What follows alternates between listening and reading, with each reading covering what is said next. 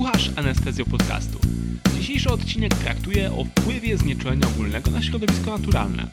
Zapraszają Cię na niego wspólnie Kacper i Staszek. Cześć, witajcie w kolejnym odcinku Anestezjo Podcastu. Dzisiaj poruszymy problem, który niestety w Polsce, chociaż pewnie nie tylko, w dalszym ciągu jest traktowany trochę po macoszemu. Chodzi mianowicie o ekologię w sektorze ochrony zdrowia. My skupimy się głównie na naszej działce na anestezjologii. Pytania są następujące. Czy możemy zredukować nasz ślad węglowy? Czy nasz ślad węglowy w ogóle jest istotny? Co to jest ślad węglowy? A jeśli możemy go zredukować, to w jaki sposób? Czy nasze działania mogą mieć wymierne efekty, skoro stanowimy tylko nieznaczny odsetek pracowników szpitala, a praca w szpitalu to tylko jeden z sektorów gospodarki, która jest dużo szersza? Według najnowszych dostępnych danych w 2019 wyemitowaliśmy jako ludzkość do atmosfery 51 miliardów ton gazów cieplarnianych. Globalne emisje obniżyły się wprawdzie nieco w 2020, prawdopodobnie około 5%, i jak się pewnie domyślacie, powodem tego była pandemia COVID-19, która to pandemia dramatycznie gospodarkę spowolniła. Zanim zaczniemy mówić o liczbach i procentach, które wstępnie wyglądają trochę abstrakcyjnie, może powiemy o tym, czym w ogóle jest ślad węglowy. Jeśli pamiętacie, jakiś czas temu wrzuciłem na profil facebookowy Anestezjo Podcastu ogłoszenie o tym, że szukam anestezjologa zaangażowanego ekologicznie, aby nagrał ze mną odcinek dotyczący tego właśnie tematu. Na to ogłoszenie odpowiedział Kacper, zgłosił się do mnie i e, chciał pomóc. W związku z tym z tej pomocy chętnie korzystam. Kacper jest dzisiaj z nami. Kacper, witam Cię na podcastowym pokładzie. Może pomożesz mi trochę w opisaniu tego zjawiska? Cześć, cieszę się, że mogę w tym współuczestniczyć. Także przejdźmy od razu do rzeczy, jeśli chodzi o ten ślad węglowy. To bardzo dużo o nim słyszymy. A jest to nic innego jak suma emisji gazów cieplarnianych, które nas otaczają, czyli dwutlenek węgla, podtlenek azotu, metan, też gazy anestetyczne, które są bezpośrednio lub pośrednio wytwarzane przez osobę, organizację, wydarzenie, czy nawet powstające podczas produkcji przedmiotów codziennego użytku. Wielkość śladu węglowego, a raczej stopień, jest wyrażona w ekwiwalentach dwutlenku węgla. Z uwagi na fakt, że różne gazy cieplarniane w różnym stopniu przyczyniają się do globalnego ocieplenia, to aby ułatwić porównanie ich szkodliwości, wszystkie są sprowadzone do wspólnej skali najpowszechniej występującego dwutlenku węgla. Na przykład tona metanu odpowiada 25 tonom dwutlenku węgla. Warto tutaj także wspomnieć o GWP, czyli potencjale tworzenia efektu cieplarnianego, który to będzie pojawiał się w dzisiejszej audycji kilkakrotnie. E, ten potencjał tworzenia efektu cieplarnianego to nic innego jak wskaźnik, który porównuje ilość ciepła zatrzymanego przez określoną masę gazu do ilości ciepła zatrzymanego przez podobną masę dwutlenku węgla. E, GWP oznaczamy w przedziałach czasowych, zwykle 120, 100 czy 500 lat. Okej, okay, w porządku, ale jeśli chodzi o naszą pracę, o szpitale, o ochronę zdrowia, to chyba nasz potencjał tworzenia efektu cieplarnianego w porównaniu chociażby z elektrociepłowniami, z przemysłem jest nieznaczny. Mam rację, czy wyprowadzisz mnie tutaj z błędu? Jak ze wszystkim i tak i nie. Szacunkowo cały sektor ochrony zdrowia odpowiedzialny jest za emisję około 4% gazów cieplarnianych rocznie. W krajach roz rozwiniętych ten odsetek dochodzi do 10%. To bardzo duże liczby, bardzo duży udział w pozostawianiu śladu węglowego.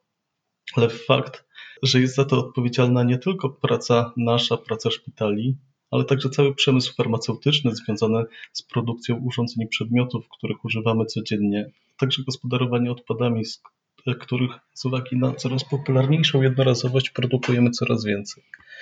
W tym wszystkim, tak jak już zauważyłeś, możemy dojść do wniosku, że postępowanie nasze jako jednostki pozostaje bez większego znaczenia.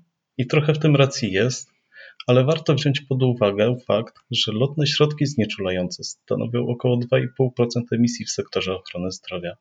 To dużo. Możemy być bardziej skłonni do refleksji, biorąc pod uwagę fakt, że odsetek anestezjologów w całym sektorze jest niewielki a odpowiada za tak dużą emisję. Gazy anestetyczne, czyli podtlenek azotu, etery halogenowe, stanowią około 1,01% światowej emisji rocznie. Anestezjolodzy jako grupa zawodowa stanowią na świecie około 550 tysięcy osób. E, czyli roczne zużycie gazów przez jednego anestezjologa jest tożsame z produkcją tylu ekwiwalentów dwutlenku węgla, co 133 statystyczne osoby. To dużo, a nie możemy zapominać o innych naszych przyzwyczajeniach, zarówno w pracy, jak umiłowanie sprzętu jednorazowego użytku, a także poza pracą. Na szczęście możemy pracować coraz odpowiedzialniej. Odpowiedzialniej to znaczy jak? Czy to znaczy, że kierujemy się, że to, że kierujemy się przede wszystkim dobrem pacjenta, to jest za mało? Czy tą odpowiedzialność za pacjenta, jego bezpieczeństwo jakoś z działaniami proekologicznymi w tym kontekście możemy połączyć? E, nie powiedziałbym, że za mało. Powiedziałbym raczej, że dbanie o pacjenta jest to postępowanie standardowe, a standard jak każdy wie, jest to najprostsza z dopuszczalnych form postępowania. Obniżyć czego, co jest standardem, już nie można, ale zawsze można podwyższyć e, dane postępowanie. Więc dlaczego nasza praca nie mogłaby być czymś więcej? W niektórych przypadkach, na przykład w 1995 roku, Istotnym zagrożeniem stawała się powiększająca dziura ozonowa. Potrzebne były wtedy regulacje na poziomie państwowym i międzynarodowym, dzięki którym udało się skutecznie rozwiązać problem, nie wywołując rewolucji w życiu codziennym społeczeństwa. Być może, jeżeli sami nie będziemy w stanie świadomie współpracować, to także będziemy wymagali odgórnej kontroli, a mam wrażenie, że każdy chciałby uniknąć takiego scenariusza. No faktycznie to, że, że chociaż jeden problem, jeśli chodzi o te działania, nazwijmy to anty, antydziuroozonowe, e, udało się rozwiązać, to już napewnie, napełnia jakimś optymizmem. Ale czy myślisz, że w naszej pracy też da się dokonać przewrotu? Co jest na chwilę obecną w ogóle największym zagrożeniem w tym, co robimy? Tak jak wcześniej wspomniałem, największy potencjał tworzenia efektu cieplarnianego, na który mamy bezpośredni wpływ, mają gazy anestezjologiczne, z którymi stykamy się na co dzień. I tak na przykład podtlenek azotu, znany także jako gaz rozweselający, jest powszechnym anestetykiem lotnym, chociaż największe emisje podtlenku pochodzą z nawozów sztucznych używanych w rolnictwie, to używanie w sektorze ochrony zdrowia w dalszym ciągu nie pozostaje bez znaczenia i wynosi nieco poniżej 4%. Warto tutaj zauważyć, że ma on około 300 razy większy potencjał tworzenia e, efektu cieplarnianego niż dwutlenek węgla. Przyczynia się to od 5 do 9% antropogenicznego efektu cieplarnianego. Optymistycznym faktem może być to, że w ostatnich latach jego zużycie w, w naszym sektorze spada. I Wiadomo, nie jest to efekt dbania o środowisko, ale przede wszystkim rosnąca świadomość działań niepożądanych, jakie wiążą się z zużyciem e, podtlenku azotu. Kolejną szarą eminencją są węglowodory fluorowane. Są one teraz bardzo popularne jako lotne środki znieczulające. Ich potencjał jest naprawdę imponujący, jeśli chodzi o tworzenie efektu cieplarnianego. Stanowią około 2% gazów cieplarnianych w naszej atmosferze, i co ciekawe mają tendencję do podwajania się co 10-15 lat. Ich potencjał tworzenia efektu cieplarnianego na przestrzeni 100 lat wynosi dla izofluranu 510, dla sewofluranu 130, a dla desfluranu uwaga, bo aż 2540. Imponujący potencjał. Na chwilę obecną, wykonując zrównoważone znieczulenie ogólne, uwalniamy do atmosfery gazy w postaci niefiltrowanej, czyli to, co wpompujemy w pacjenta, to ostatecznie i tak ulatnia się do atmosfery. Warto tutaj zdroworozsądkowo zadać sobie pytanie, w jakich stężeniach i przepływach używamy danych gazów. Jak wszyscy doskonale wiemy, desfluran, mimo że ma najwyższy GWP, to wymaga również największego stężenia podczas znieczulenia. Ale to nie koniec, bo jeżeli jako gazu nośnego użyjemy dodatkowo tlenku azotu, to dodatkowo zwiększamy nasz ślad węglowy kolejne kilka razy. Nieźle. Brzmi to co prawda dość zniechęcająco, ale trudno jest sobie wyobrazić te liczby, o których mówisz. Nie? W sensie mówisz o liczbach i trudno sobie je teraz przełożyć na to, co mamy w poszczególnych parownikach, więc istnieje obawa, że o tym, o czym rozmawiamy, ludzie szybko za zapomną. Nie? Mhm. Tak, zdaję sobie z tego doskonale sprawę. E, e, o metodach pomagających pomagających zapamiętać te wszystkie liczby jeszcze powiem w dalszej części, Ale teraz wspomnę o pewnych kalkulacjach, jakie zostały poczynione. Otóż y, trwające około 7 godzin znieczulenie ogólne, w którym użyjemy dysfluranu i podtlenku azotu jako nośnika gazów, y, stosując metodę minimal flow, zostawia taki sam ślad węglowy jak pokonanie samochodem osobowym prawie 4000 km. Z kolei, jeżeli nie będzie to metoda minimal flow, a dopływ świeżych gazów będzie stanowił 2 litry na minutę, to ślad węglowy jest równoważny emisji gazów przy pokonywaniu 15,5 tysiąca km samochodem. To jest nieźle. Wyobraźmy sobie, że teraz w ciągu naszego dnia pracy, gdzie przez 7 godzin puszczamy gaz desfluran, moglibyśmy przejechać 14, 15 tysięcy samochodem osobowym. No, czyli przez tydzień pracy prawie dwa razy obiadać ziemię wzdłuż równika, nie? Jeśli będziemy tak. takie znieczulenia prowadzić. No nieźle. E, jeśli chodzi o, o, inne metody przeliczania szkodliwości, to na przykład zużycie jednej butelki desfluranu, którą mamy dostępną na bloku operacyjnym. E, taka butelka emituje równowartość 890 kg dwutlenku węgla. To tak jakby spalić 404 kg węgla jednocześnie. Jeżeli przełożymy te informacje na skalę światową, to okazuje się, że używanie lotnych środków znieczulających, nawet pomimo konserwatywnych wyliczeń, odpowiada emisji dwutlenku węgla wyprodukowanej przez około milion pieców węglowych. To tyle, co niezłej wielkości elektrownia węglowa. Okej, okay. wyobrażam sobie, że wśród anestezjologów są koleżanki i koledzy bardziej ekologicznie świadomi i mniej ekologicznie świadomi. Przy czym ta świadomość jakby nie musi być związana z brakiem zainteresowania, bo umówmy się, o tym po prostu się nie mówi. Mhm. Ja akurat muszę powiedzieć, że, że nie, używam w swojej codziennej praktyce ani podtlenku azotu, ani, e, ani w zasadzie również desfluranu, poza bardzo wyjątkowymi wskazaniami. Natomiast mhm. ja jestem jednym anestezjologiem. I czy to, co ja robię, może mieć wpływ, może mieć znaczenie, nazwijmy to w skali globalnej, czy, czy to jakoś pasuje do tego dużego obrazka, który rysujemy? Wiesz co, to brzmi niezachęcająco, bo tak jak w każdej branży jednostka ma niewielki wpływ na redukcję emisji gazów cieplarnianych, ale za to jako anestezjolodzy mamy duży wpływ na użycie naszych gazów anestetycznych. Zawsze warto rozważyć zasadność wykonania znieczulenia ogólnego wziewnego na rzecz znieczulenia dożylnego bądź nawet anestezjologii regionalnej. Warto jest też pamiętać o dopływie świeżego gazu, który jest nośnikiem anestetyku. Im wyższy jest dopływ, tym mniej ekologiczne jest znieczulenie, ale też mniej korzyści jest wtedy dla pacjenta. O ile podtlenek azotu ze względu na swoją charakterystykę jest używany coraz rzadziej w anestezjologii, nie wiem jak długo będzie jeszcze bawił na położnictwie, to desfluran w dalszym ciągu cieszy się bardzo dużą popularnością. Okej, okay, to może e, zechcesz opowiedzieć w kilku zdaniach o badaniu, które zostało przeprowadzone przez dwa lata w niemieckiej klinice w Karlsruhe w zachodnich Niemczech. Okej. Okay. E, masz rację, Staszko. To jest bardzo ciekawe badanie. E, ono zostało przeprowadzone na przestrzeni lat 2017 i 2018.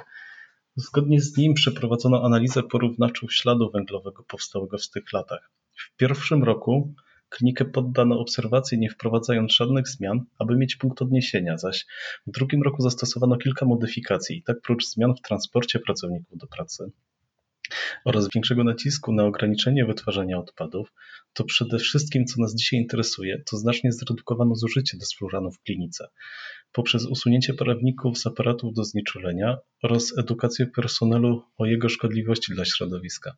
Oczywiście, że gdy istniały uzasadnione przesłanki do użycia gazu, personel miał do niego dostęp.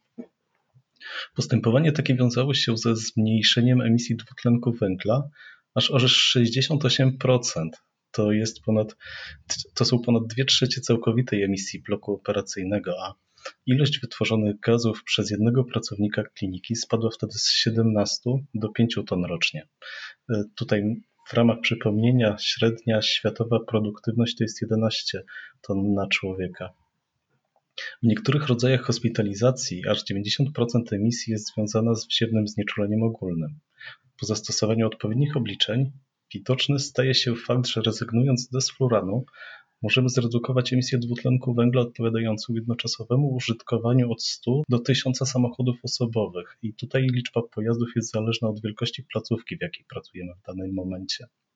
Po zmniejszeniu zużycia desfluranu liczba emisji spadła do 28% całkowitej emisji w 2018 roku, a całkowita emisja kliniki zmniejszyła się o 68%. To będzie z prawie 400 ton do 126 ton dwutlenku węgla. Czyli jeśli dobrze zrozumiałem to, co powiedziałeś, to w zasadzie jedyną interwencją było to, że od, od aparatów do znieczulenia odkręcili parowniki desfluranu i jeśli ktoś chciał koniecznie dać desfluran, to musiał sobie po niego pójść, tak?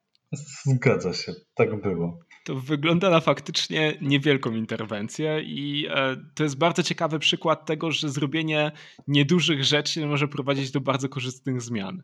No bo tak naprawdę, wiesz, jak się nad tym zastanowimy, to kto z nas nie jest w stanie znieczulić pacjenta bez desfluranu e, i komu mhm. z nas chciałoby się po niego iść, jeśli już, e, jeśli już będzie on leżał gdzie indziej niż na moim aparacie do znieczulenia. No ale w związku Dokładnie. z tym... Mhm. W związku z tym pojawia się pytanie, czy jeśli, jeśli nie desfluran, to inne gazy, czyli na przykład sevofluran, o którym mówiłeś, że ma niższy ten GWP, czy mhm. może powinniśmy stosować e, całkowite znieczulenie dożylne? Pozwól, że zacznę od znieczulenia dożylnego. I jeżeli chodzi o aspekt proekologiczny, to porównując znieczulenie wziewne z dożylnym, bilans emisji ekwiwalentu dwutlenku jest aż o cztery rzędy wielkości mniejszy. Jest to przesunięcie o cztery miejsca w lewo, na korzyść oczywiście znieczulenia dożylnego.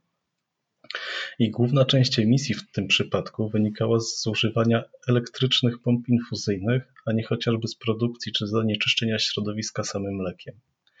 A wracając teraz do gazów, to w 2017 roku przeprowadzono też ciekawe prospektywne badanie z randomizacją, które porównywało sewofluran i desfluran. Z badania tego wynikało, że znieczulenie desfluranem, szczególnie w chirurgii bariatrycznej, ma pewną przewagę nad sevofluranem.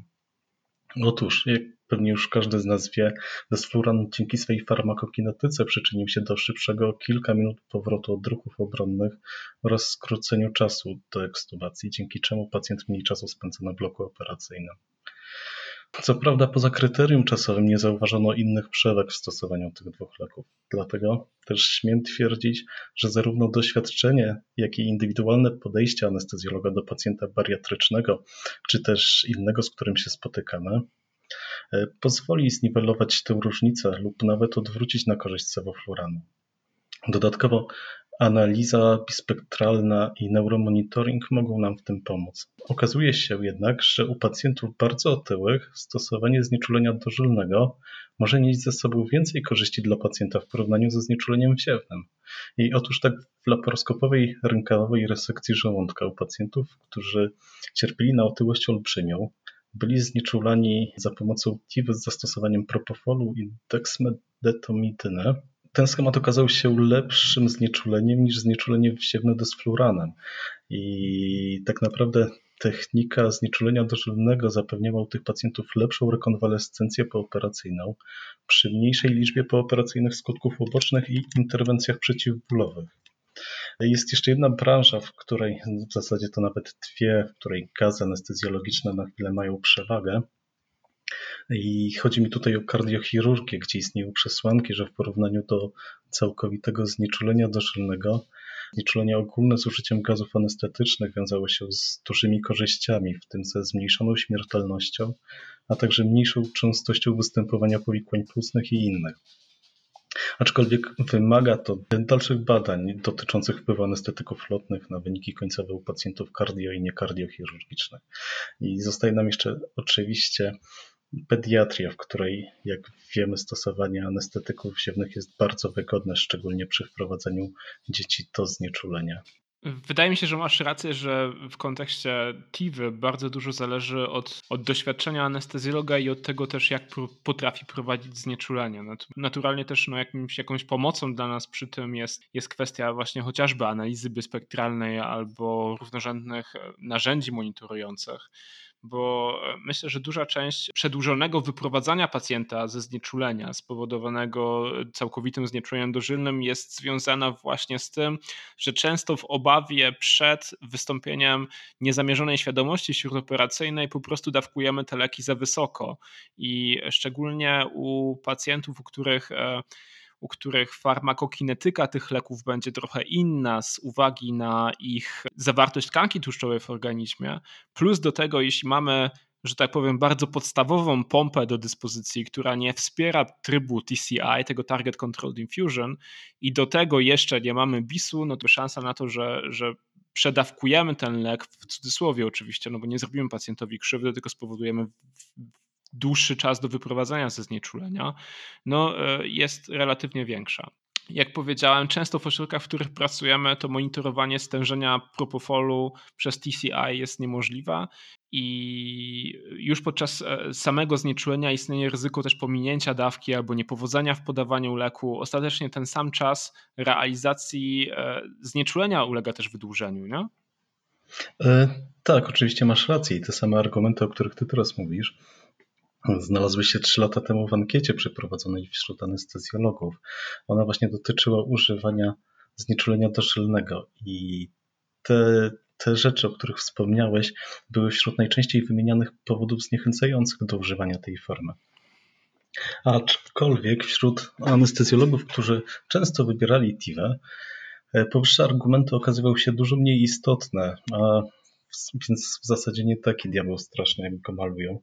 No dobrze, więc my rozmawiamy teraz o ekologii, która jest bardzo ważnym dla nas tematem, natomiast naszych szefów i szefów naszych szefów często interesuje inne pojęcie, które też zaczyna się na eko, czyli ekonomia. E, znieczulenie dożylne generuje większe koszty niż wziewne i myślę, że taki argument jest rzeczą istotną dla naszych przełożonych, którzy mogą bardziej lub mniej świadomie zniechęcać nas do korzystania z takiego rozwiązania. Zgadzasz się z tym, czy masz jakieś inne argumenty, którymi możemy ich uraczyć? No, niestety muszę się z Tobą zgodzić. Znieczulenie doszczylne z zasady jest droższym sposobem znieczulenia i jest to ważny argument, jeżeli chodzi o, o naszych włodarzy. E, jest to także wynik poniekąd naszych działań, bo jako efekt redukcji kosztów znieczulenia wsiewnego poprzez na przykład obniżanie dopływu świeżych gazów e, zmniejszamy też zużycie anestetyków. To działa wtedy w dwójnasób, bo jest to i proekologiczne, i proekonomiczne. Ale dzięki czemu godzina naszego znieczulenia przy użyciu seworanu to koszt obecnie około 6 dolarów, a przy użyciu desfluranu 12 dolarów. Porównując to ze znieczuleniem dożylnym, które jest wyceniane na około 10 dolarów za godzinę. Czyli no, e, czyli wychodzi nam w zasadzie, że koszt znieczulenia propofolem e, zawsze będzie wyższy niż koszt znieczulenia sewofluranem, natomiast w przypadku desfluranu jakby no to jest to w dużej części też zależne od tego, jakich, jakiego przepływu świeżego gazu używamy. Ale czy poważnie ja powinienem coś zmieniać? Hmm. Może i zauważyłeś, że coraz więcej ludzi, którzy nas otaczają, stawia na odnawialne źródła energii. Czy to przez montowanie paneli fotowoltaicznych, Albo można zauważyć, że coraz popularniejsze staje się przemieszczanie rowerem, czemu sprzyja rozwijająca się infrastruktura w naszych miastach. Pewnie też znasz kogoś, kto nie je mięsa albo produktów pochodzenia zwierzęcego. Widzisz, że każdy stara się korzystać w życiu codziennym z opakowań też wielorazowego użytku. W zasadzie w ramach codziennego życia każdy z nas podejmuje kroki, aby zredukować swój ślad węglowy. A jako anestezjolodzy Powinniśmy zawsze rozważyć, jak nie szkodząc pacjentowi, nie szkodzić zarówno planecie. Gdyby nieliczne wskazania, to moglibyśmy wyeliminować podtlenek azotu i desfluran już dzisiaj. Dodam jeszcze, że udział w całkowitej emisji dwutlenku węgla od osób prywatnych jest znacznie niższy w porównaniu z emisją generowaną przez przedsiębiorstwa. Jeżeli potraktujemy szpital jak przedsiębiorstwo, to zauważamy duże pole do podjęcia działań stwarzające możliwości do generowania zarówno oszczędności, zarządzając racjonalnie stosowanymi lekami, ale też źródłami energii i gospodarką odpadami, o czym mam nadzieję także jeszcze porozmawiamy. Możemy nie tylko poprawić wynik finansowy szpitala, ale co jest chyba ważniejsze, zmniejszyć emisję dwutlenku węgla do atmosfery. I jakie są pomysły, aby coś z tym zrobić? Co możemy zrobić my, jako anestezjolodzy, jako pracownicy bloku operacyjnego, pielęgniarki anestezjologiczne? Jakie mamy realne możliwości zmniejszenia śladu węglowego? Hmm, no może powiem teraz, co będzie truizmem, ale zawsze należy zastanowić się nad wskazaniem do znieczulenia ogólnego, do wziewnego znieczulenia ogólnego. Wiele zabiegów można obecnie przeprowadzić w znieczuleniu regionalnym, a jeżeli już musimy pacjenta znieczulić ogólnie, to dlaczego nie użyć znieczulenia dożylnego, o którym już rozmawialiśmy? Jeżeli jednak z jakiegoś powodu musi być to znieczulenie wziewne, to, to no, co prawda należy stosować minimalny dopływ świeżych gazów, i w początkowej fazie znieczule, znieczulenia jest to co prawda trudne, bo wtedy przeciek gazów anestetycznych jest najwięcej, ale są już e, stworzone algorytmy, które podpowiadają nam, jak najoptymalniej gospodarować gazami medycznymi. Poza tym coraz powszechniejsze stają się aparaty do znieczulenia, które posiadają możliwość ustawienia docelowego e, minimalnego stężenia pęcherzykowego w mieszaninie wydechowej. Pamiętajmy też, że w znieczuleniu ogólnym wziewnym mamy do dyspozycji nie tylko desfluran, który, jest, który ma najwyższy potencjał tworzenia efektu cieplarnianego, ale może zamiast tak bardzo e, popularnego właśnie teraz desfluranu zrobimy krok wstecz i zaczniemy częściej wybierać sevofluran, który po pierwsze jest tańszy, to te kwestie ekonomiczne będą cieszyły dyrekcję, a po drugie jest mniej szkodliwy dla środowiska. I też pomyślmy o nośniku, który tę mieszaninę gazów będzie dostarczał dla pacjenta. Czy zawsze potrzebujemy używać podtlenku azotu? Przecież mieszanina tlenu z powietrzem też w zupełności jest wystarczająca dla pacjenta. I jak we wszystkim, edukacja, świadomość jest kluczem do sukcesu. Tak i w tym przypadku nie zapomnijmy o tym, Uświadamiajmy naszych kolegów w pracy, jakie skutki dla środowiska niesie wsiewne znieczulenie ogólne, jakie działanie mają e etery halogenowe. Co to, to może nas również zachęcić do doskonalenia się w metodach anestezjologii regionalnej, która teraz rozwija się w zawrotnym tempie.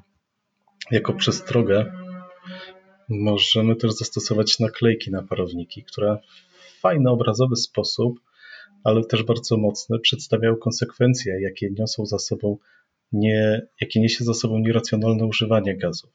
Naklejki były opracowane przez szpital w Wisconsin, gdzie na prawniku z cewofluranem mamy drzewo i łąkę niczym z okna startowego Windows z lat 90.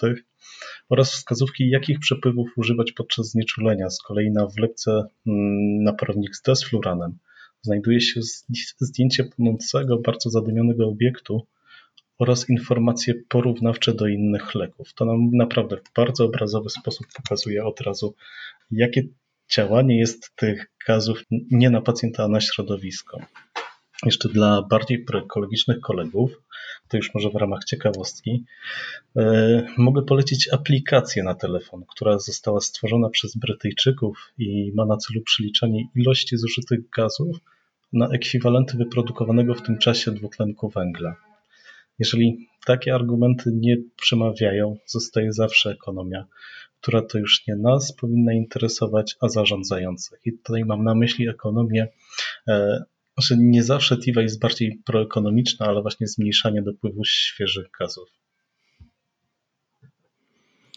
Super, to był zestaw bardzo przydatnych wskazówek, które myślę, że można, e, a nawet powinno się e, zastosować w swojej codziennej praktyce, bo tak jak od początku nam mówisz i tłumaczysz, mhm. nasze działanie jako anestezjologów, być może nie jako jednostki, ale już jako całego oddziału, całego szpitala, całego miasta, województwa, a może i całego kraju, ma i może mieć realny wpływ na to, jaki ekwiwalent dwutlenku węgla uwalnia do atmosfery ochrona zdrowia. Być może nasi słuchacze także mają jakieś sposoby, jak minimalizować swój ślad węglowy, o których nawet nie wiemy. Wiem, że też trwają prace nad stworzeniem takich urządzeń, które by wychwytywały zwrotnie gazy mm, dostarczane do pacjenta, gazy anestetyczne, aczkolwiek one jeszcze nie są dopuszczone do, do użytku i też ciekawe, jaka będzie ich cena i czy to będzie obligatoryjne stosowanie, czy będzie to E, dobrowolne. Zobaczymy. Dokładnie. One do użytku jeszcze dopuszczone nie są, ale wiem, że chociażby firma Baxter pracuje nad takimi rozwiązaniami.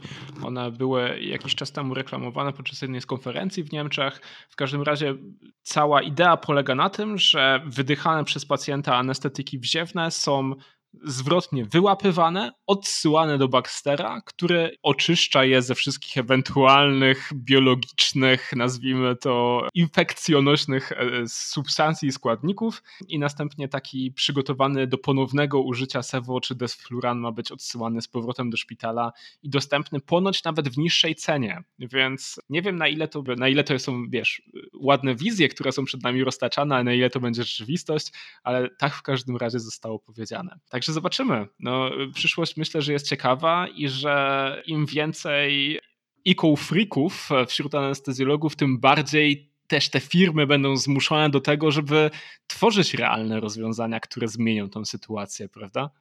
To, co jeszcze chcę powiedzieć, zanim się rozstaniemy, to to, że tak jak mówiłaś gdzieś wcześniej, ten ślad węglowy, który powstaje w ochronie zdrowia, to w dużej części, ale nie wyłącznie anestetyki wziewne. Natomiast mamy do czynienia też z kilkoma innymi źródłami gazów cieplarnianych, za które odpowiadamy my jako anestezjolodzy i pielęgniarki anestezjologiczne. I jest to chociażby drugi ważny temat, czyli gospodarowanie odpadami i Chciałbym tylko to zaznaczyć, bo temat jest na kiedy indziej, nie? natomiast jest on duży i też ważny. Okej, okay, słuchajcie, Kacper do tego odcinka przygotował e, bardzo wiele bardzo ciekawych e, referencji, źródeł i odniesień. E, te wszystkie materiały znajdziecie w notatkach do tego podcastu oraz na naszej stronie internetowej i myślę, że do tematu ekologii w anestezjologii jeszcze nie raz na łamach anestezji podcastu wrócimy, bo ja sam uważam ten temat za ważny, istotny i, i też no, myślę, że ciekawy i, i na czasie. Kacper, czy chciałbyś jeszcze coś dodać? Nie, dziękuję bardzo, że mogłem wziąć udział w tym przedsięwzięciu. Ja dziękuję Tobie za ogrom pracy, którą włożyłeś w powstanie tego odcinka. Z tego miejsca zachęcam też Was, pozostali słuchacze, do tego, że jeśli macie pomysł, jeśli macie czas i ochotę, to chętnie spotkam się z Wami na antenie Anestezja Podcastu, bo tak samo Wy, jak i ja możecie stworzyć coś fajnego, co dla innych się przyda. Także Kacper, mam nadzieję, że Ty kończysz dzisiaj z takim poczuciem, że stworzyliśmy mhm. razem coś fajnego, co może innym mhm. pomóc. Mam taką nadzieję, że pomoże to przede wszystkim naszemu środowisku. Dziękuję Ci jeszcze raz za Twoją pracę, za Twoją pomoc.